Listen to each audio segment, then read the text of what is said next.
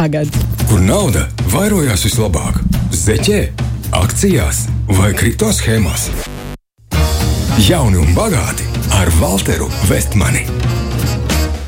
Labrīt, Čau. Valter! Čau, čau, labrīt, labrīt. labrīt, labrīt. Nu, kā sokās, kā iet? Es ienāku studijā un redzu, kas ir pie ruļļiem. Nedaudz satraucošs moments, jā, nu, pavisam, pavisam jauns lietas šeit notiek, bet uh, tas ir tieši tas, tas, kā tam vajadzētu būt. Es tā Jo. domāju. Forši. Es tā domāju, un esmu gatava, esmu ļoti, ļoti gatava klausīties, uh, ko tad šodien tu esi mums visiem sarūpējis. Ok, um, nu šodien es īstenībā domāju pastāstīt nedaudz vairāk par vienu no savām mīļākajām finanšu grāmatām, ja to tā var nosaukt, tā ir naudas psiholoģija. Es iepriekš esmu par viņu arī runājis raidījumos. Viņu sarakstījis ir Morgans Hausels, viņa ir sarakstīta arī latviešu valodā, tulkota. Es esmu iepriekš raidījumos par viņu runājis, bet šodien es gribēju paiet nedaudz dziļāk un iztirzāt, uh, nu, ko tur viņas saturā īsti var atrast. Jo uh, tā ir tāda grāmata, ko es pagājušā gada Ziemassvētkos iepirku čupu. Es esmu sadāvinājis daudz draugiem, viņas es ģimenes locekļiem sadāvinājis. Un tā ir tiešām, man liekas, ja kaut ko vajadzētu mācīt par naudu skolā. Es teiktu, ka šī būtu obligātā literatūra. Un tāpat arī cilvēkiem, kas varbūt tās ar nu, grib sākt vairāk domāt par investēšanu, par naudas lietām, tad šī grāmata tiešām iedod nu, tādu lielu, lielu uh, skaidrību tajā visā, kā tas pasākums strādā. Un viņa, nu, viņa nav sarežģīta, bet viņa ir pietiekami teikt, uh, vienkāršā valodā izskaidrotas sarežģītas lietas, nu, tā ka visi tiešām var saprast. Un no grāmatas nu, tā, pāris galvenās domas ir tās, nu, ka mums liekas bieži vien, ka tas, cik labi tu māki apieties ar naudu, ir atkarīgs no tā, nu, cik tu esi gudrs. Un arī, kad mēs runājam par finanšu tirgiem un vispār investīcijām, visi domā, ka tas balstās uz formulām, matemātiku, uz visādām tirgus kustībām un analizēšanām. Bet uh, patiesībā ir tā, ka ļoti daudz ko nu, to veiksmi, kā mums ies ar naudu, nosaka nevis gudrība, bet uh, mūsu uzvedība. Un finanšu tirgi ir mazāk matemātika un formulas, bet vairāk vienkārši tāda pūļa psiholoģija un uh, cilvēku uzvedība. Tāpēc arī bieži var novērot, ka uh, cilvēki, uh, kam varbūt tās nav formāla izglītība, varbūt tās nav lielāki ienākumi, viņi varbūt bieži vien pat spēj to savu naudu pārvaldīt labāk un iekrāt vairāk nekā kāds gudrs finansists ar lielu algu. Jep, Jo jep. tur uzvedība ir ļoti, ļoti liels uh, faktors tajā visā. Kā tu domā, tā varētu būt tāda tā kā iesācēja cilvēka grāmata? Nu, piemēram, ja man būtu absolūti nebūtu nekāda izpratne par to, kas, kas ir un kā darbojas nauda un kā strādā nauda, vai es varētu to grāmatu nopirkt un tagad uh, atvērt šo jauno pasauli vaļā. Es domāju, ka jā, jo viņa ir, tur ir bišķiņa varbūt tās, nu tā, kad uh, jāieslēdz smadzenes, viņa varbūt nebūs gluži tā grāmata, ko lasi pirms gulētiešanas. Tad, kad baigi nāk miegs. bet, uh, bet viņa arī nav tāda, ka, uh, teiksim, ir tās grāmatas, kur tev jāpārlasa ir piecreiz paragrāfs, līdz saproti, ko tas izlasīs. Tāda viņa arī nav. Viņa ir nu, tiešām tagad vienkāršā valodā saprotama. Okay, es īstenībā, um, es pavisam drīz es došos nelielā mini atvaļinājumā, un es tieši kā domāju, kādu grāmatu un kuru grāmatu man ņemt līdzi mm. nu, lidojumā. Jo es parasti nezinu, kāpēc man parasti patīk. Uh, jā, man patīk klausīties mūziku, bet man arī ļoti patīk kaut ko palasīt, ja man ir laiks. Mm. Līdz ar to, tagad tu man to parādīji, un es vēl nesen uh, ieraudzīju, jā, es tagad atcerēšos, ielieku savā atmiņā. Ok, ok, ok. Es atcerēšos, un tad uh, varbūt tas ir tas, ko es jā, um, lasīšu savā nākamajā ceļojumā. Uz, Okay. Es tā skatos, ka tev ir arī tāds lapiņš, tur uh, kaut kāds Jā. citāts, varbūt tur Es ir. tagad tieši gribēju vienu Super. citātu nolasīt, pirms stāstu tālāk. Um, Reku grāmatā ir forši rakstīts viens no galvenajiem iemesliem. Uh, ir tas, ka par naudu mēs domājam, un mums ir mācīts domāt no fizikas skatu punkta, ar likumiem un noteikumiem, nevis no psiholoģijas viedokļa, ar emocijām un niansēm.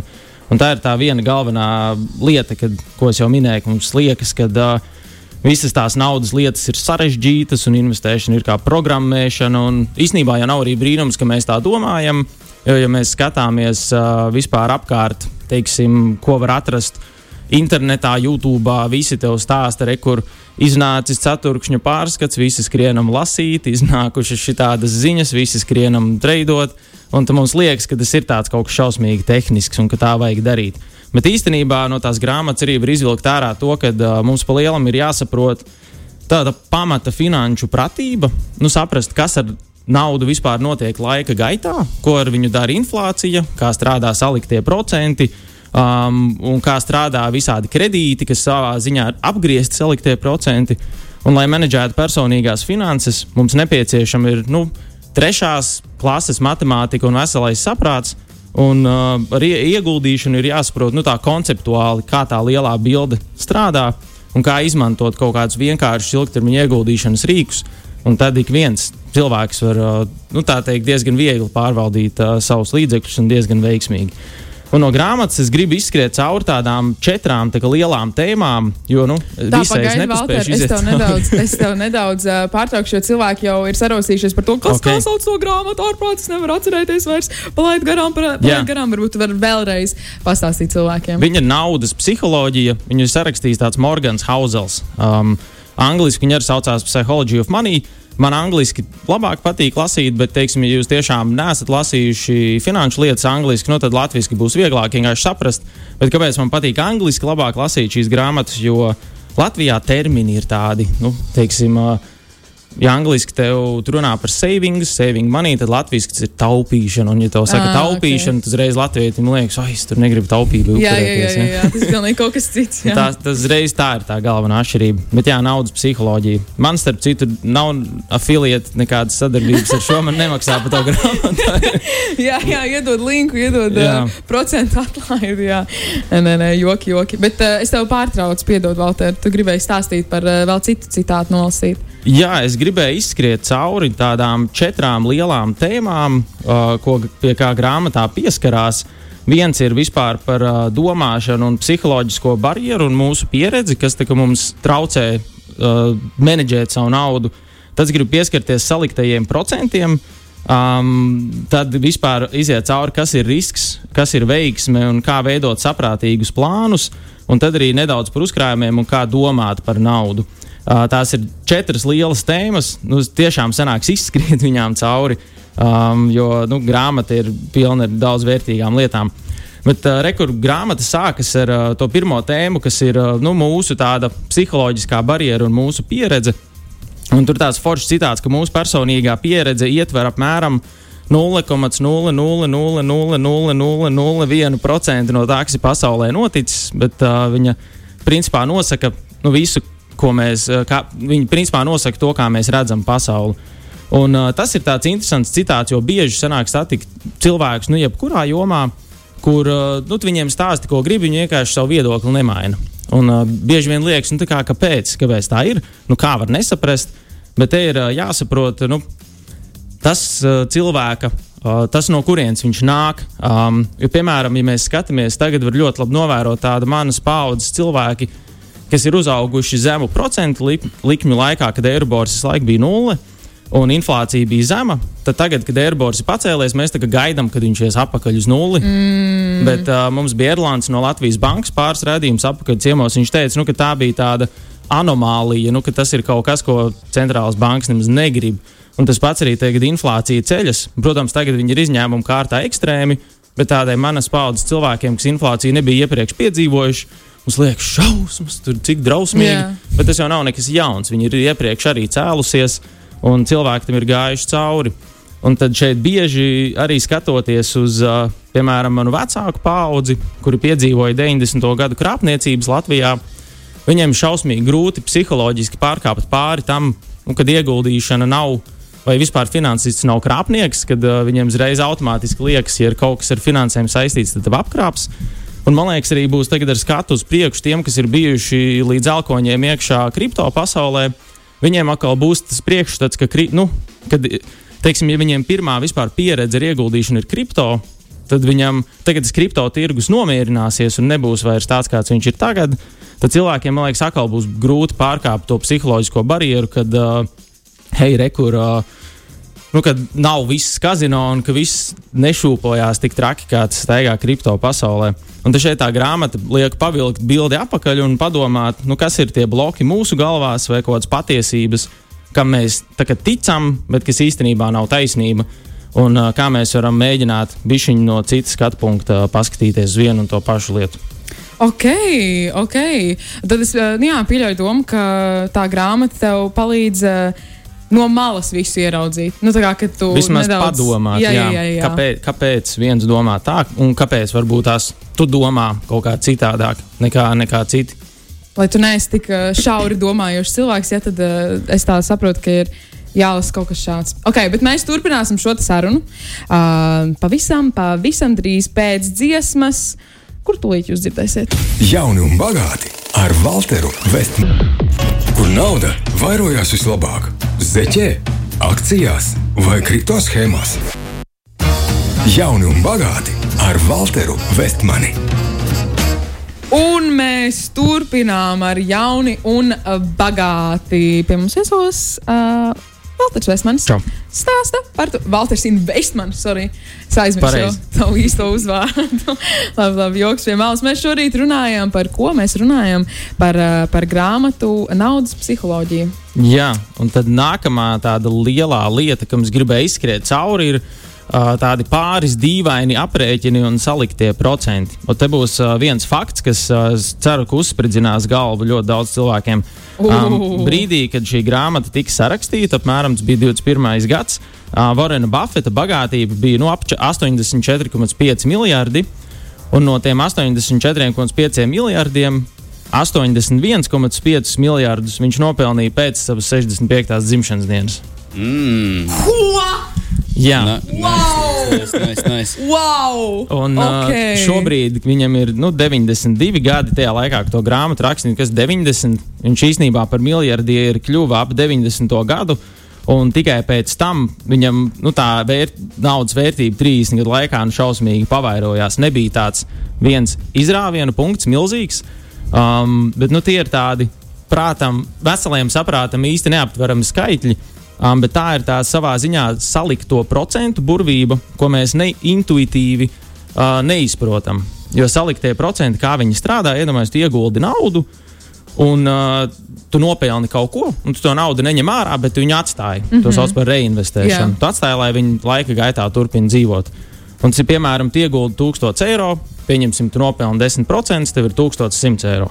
Tu atstāji tos 1100 eiro vēl uz gadu, tie nopelna 10%, jo tev ir 1210. Un tad tas visu laiku tā iet uz priekšu, un tu neko neņem ārā. Un tā nauda sāk pavairoties tā gudri runā, runājot eksponenciāli, nevis Tāda smuka lineāri. līkne sanāk. Tā Jā, tā augšu. tīpaši, ja tu redzi savā maciņā, ka viņi tā iet uz Jā. augšu, tad patīkami. Vai ne? Un, uh, man ir uh, YouTube viens video par to, nu, kādas vispār summas var no ieguldīšanas sagaidīt. un Tur es arī mums ir tāds Excel modelis, uh, kuras pareiķināju, nu, teiksim, ja tev ir 1500 eiro alga un, teiksim, tu 10% mēnesī var likt malā, nu, piemēram, 150 eiro, un tu to dari 30 uh, gadus. Tad, uh, teiksim, pēc tiem 30 gadiem tev būtu apmēram 110 tūkstoši uzkrāti ieguldīti. Mm -hmm. Tas ir nu, no tā, Nu, nu, ka tas- tas... 100, 150 eiro malā lietas 30 gadus. Un iedomājieties, cik ļoti daudz vairāk tā būtu, ja tu vienkārši 200 eiro atliktu no 150. Jā, Ideāli. Te, te es arī pareiķināju, piemēram, ja tev ir lielāka alga, teiksim, 3000 eiro un tu vari 25% no algas nolikt malā, kas būtu 750 eiro.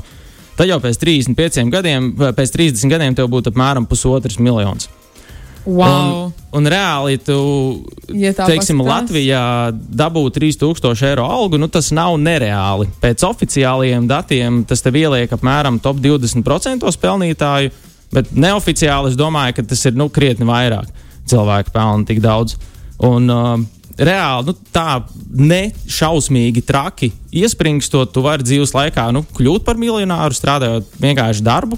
Un uh, iedomājieties, tu teiksim, ej pensijā, un tev ir nu, pusotrs miljons, nevis 500 no valsts. Nu, te, nu, tā es vienkārši rūpīgi sakot. Un tāpēc es visu laiku arī stāstu, ka ir nenormāli svarīgi mācīt celt ienākumus un izma izmantot tos saprātīgos ilgtermiņa ieguldīšanas rīkus. Jo, ja tu sevi pataisi par tādu money making mašīnu, latviešu runājot, tad uh, tad tādiem vienkāršiem ieguldījumiem tu vari uh, ļoti nu, strauji pavairot to savu, nu ne strauji, bet tu vari ievērojami pavairot to savu naudu. Un te bija vēl viens arī salīdzinājums, teiksim, ja tu paņemtu uh, salīdzinājums par to, cik svarīgs ir laiks tieši ieguldīšanas ziņā. Jo, ja tu paņemtu divus cilvēkus, kas abi iegulda 100 eiro mēnesī, un, teiksim, viens sāk, tur Anna sāk 25 gadu vecumā likt malā 100 eiro mēnesī, un tur Mārtiņš sāk 35 gadu vecumā, 10 gadus vēlāk. Un, uh, viņi, piemēram, tur pelna teiksim, ļoti konservatīvi 5% gadā, un līdz 65 gadu vecumam liktu naudu malā, kas būtu nu, likšu vienkārši 100 eiro mēnesī pensijai. Jums varbūt ir minējumi, cik teiksim, atšķirību ziņā, varbūt nevis skaitļu ziņā, bet nu, vai vienam būtu 10% vairāk uzkrāts, vai divreiz vairāk uzkrāts. Man vai... tāds ir, ka divreiz Man arī tā pēc. liekas, ja ne pat vairāk. Vai... Jā. Jā. un uz augšu tāds sajūta. Divreiz ir diezgan precīzi. Jā? Ja sanākt, ka ta- tam tai Annai, kas sāka 25 gadu vecumā, pie 65 gadiem būtu 162 tūkstoši, un tam Mārķim būtu ap, ap 90 tūkstoši. Tas ir gandrīz 2x. Un uh, sanāk, ja, tādu viens cilvēks reāli ir ielicis tikai 12,000 vairāk, bet viņam faktiski ir nu, 70,000 vairāk tajā kontā. Un šī ir tāda lieta, ko mēs intuitīvi neizprotam, jo mēs vienkārši neesam. Uh, Mums smadzenes nav uzbūvēta domāt tik tālu. Jo, rekur, ja mums, piemēram, kāds pajautātu, cik ir 7, plus 7, plus 7, plus 7, plus 7, nu, mēs apmēram sametam kopā galvā, nu, saprotam, tā ir tā aritmētiskā domāšana. Bet, ja mums prasīja, cik ir 7 reizes 7 reizes 7 reizes 7 reizes 7, mums vienkārši uzsprāgst galva, jo nu, nav iespējams izrēķināt. Tas šausmīgi daudz, un tā ir tā, tā kā ģeometriskā progresija domāšana. Un te bija arī vēl viens interesants citāts par to pašu Varenu Buffetu um, un laiku. Rekur uh, nevienai no 2000 grāmatām, kas analizē Buffeta panākumus, nav dots nosaukums. Šis puisis ir ieguldījis trīs gadsimta ceturkšņus bez apstājas, bet mēs zinām, ka tieši šim faktoram ir būtiska nozīme viņa sasniegumos, taču aptvert šīs aplēses nav viegli, jo tās nesaskan ar mūsu intuīciju. Ir daudz grāmatu par ekonomikas cikliem, akciju tirdzniecības stratēģijām un dažādu sektoru potenciālu, taču visietekmīgāko un svarīgāko grāmatu vajadzētu nosaukt apklusti un gaidi. Un tā ir ir- labi. Un tā ir tāda labi. lieta, jā, kad vienkārši laiks ir tas, kas viss, viss, viss vairāk nosaka nu, to veiksmes faktoru, no kā tu vari labi pelnīt. U, man, man patīk, man patīk šī analoģija. Protams, ir arī uh, pāris tev. Um, Komentāri par tevis teikto. Ingūns raksta, Annai, kurai ir 25 gadi un mācās vēl nepiedara dzīvoklis vai māja, hipotēkai vajadzēs maksāt, nevis atlikt, un kurai, uh, kurai varbūt vēl nav bērnu. Tāds ir komentārs par šo. Plus arī te ir vēl Kristaps, esot rakstījis, ka 30 gadus krāja un pēkšņi eiro vairs nav vērtības, vai arī kā tagad viss pāriet uz kripto.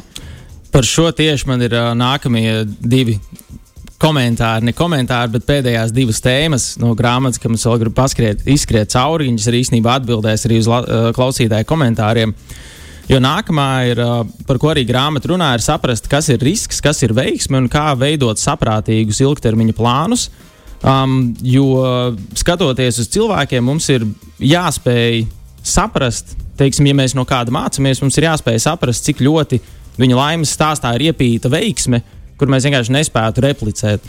Piemēram, bija grāmatā piemērs par uh, Billu Geitsu. Skaidrs, ka viņš ir ļoti spējīgs, gudrs, bet uh, viņš arī mācījās vienā no kaut kādām piecām vai desmit vidusskolām visā ASV, kurās tajā laikā bija dators, kad viņš tur mācījās. Un, uh, viņš pavisam nejauši pie, nonāca pie tā datora, sāka mācīties programmēt, un viņam vienkārši tā stēla aizgāja. Visticamāk, viņš būtu aizgājis uz uh, kaut kādu, nezinu, tur mēbeļu ražošanas uzņēmumu. Nu, nebūtu viņš gan jau ka bagātākais cilvēks kļuvis vienā brīdī pasaulē. Um, un vienkārši mēs varam pētīt to Bila Geitsa dzīves stāstu, bet mums jāņem vērā, ka tur ir nenormāls tas veiksmes faktors.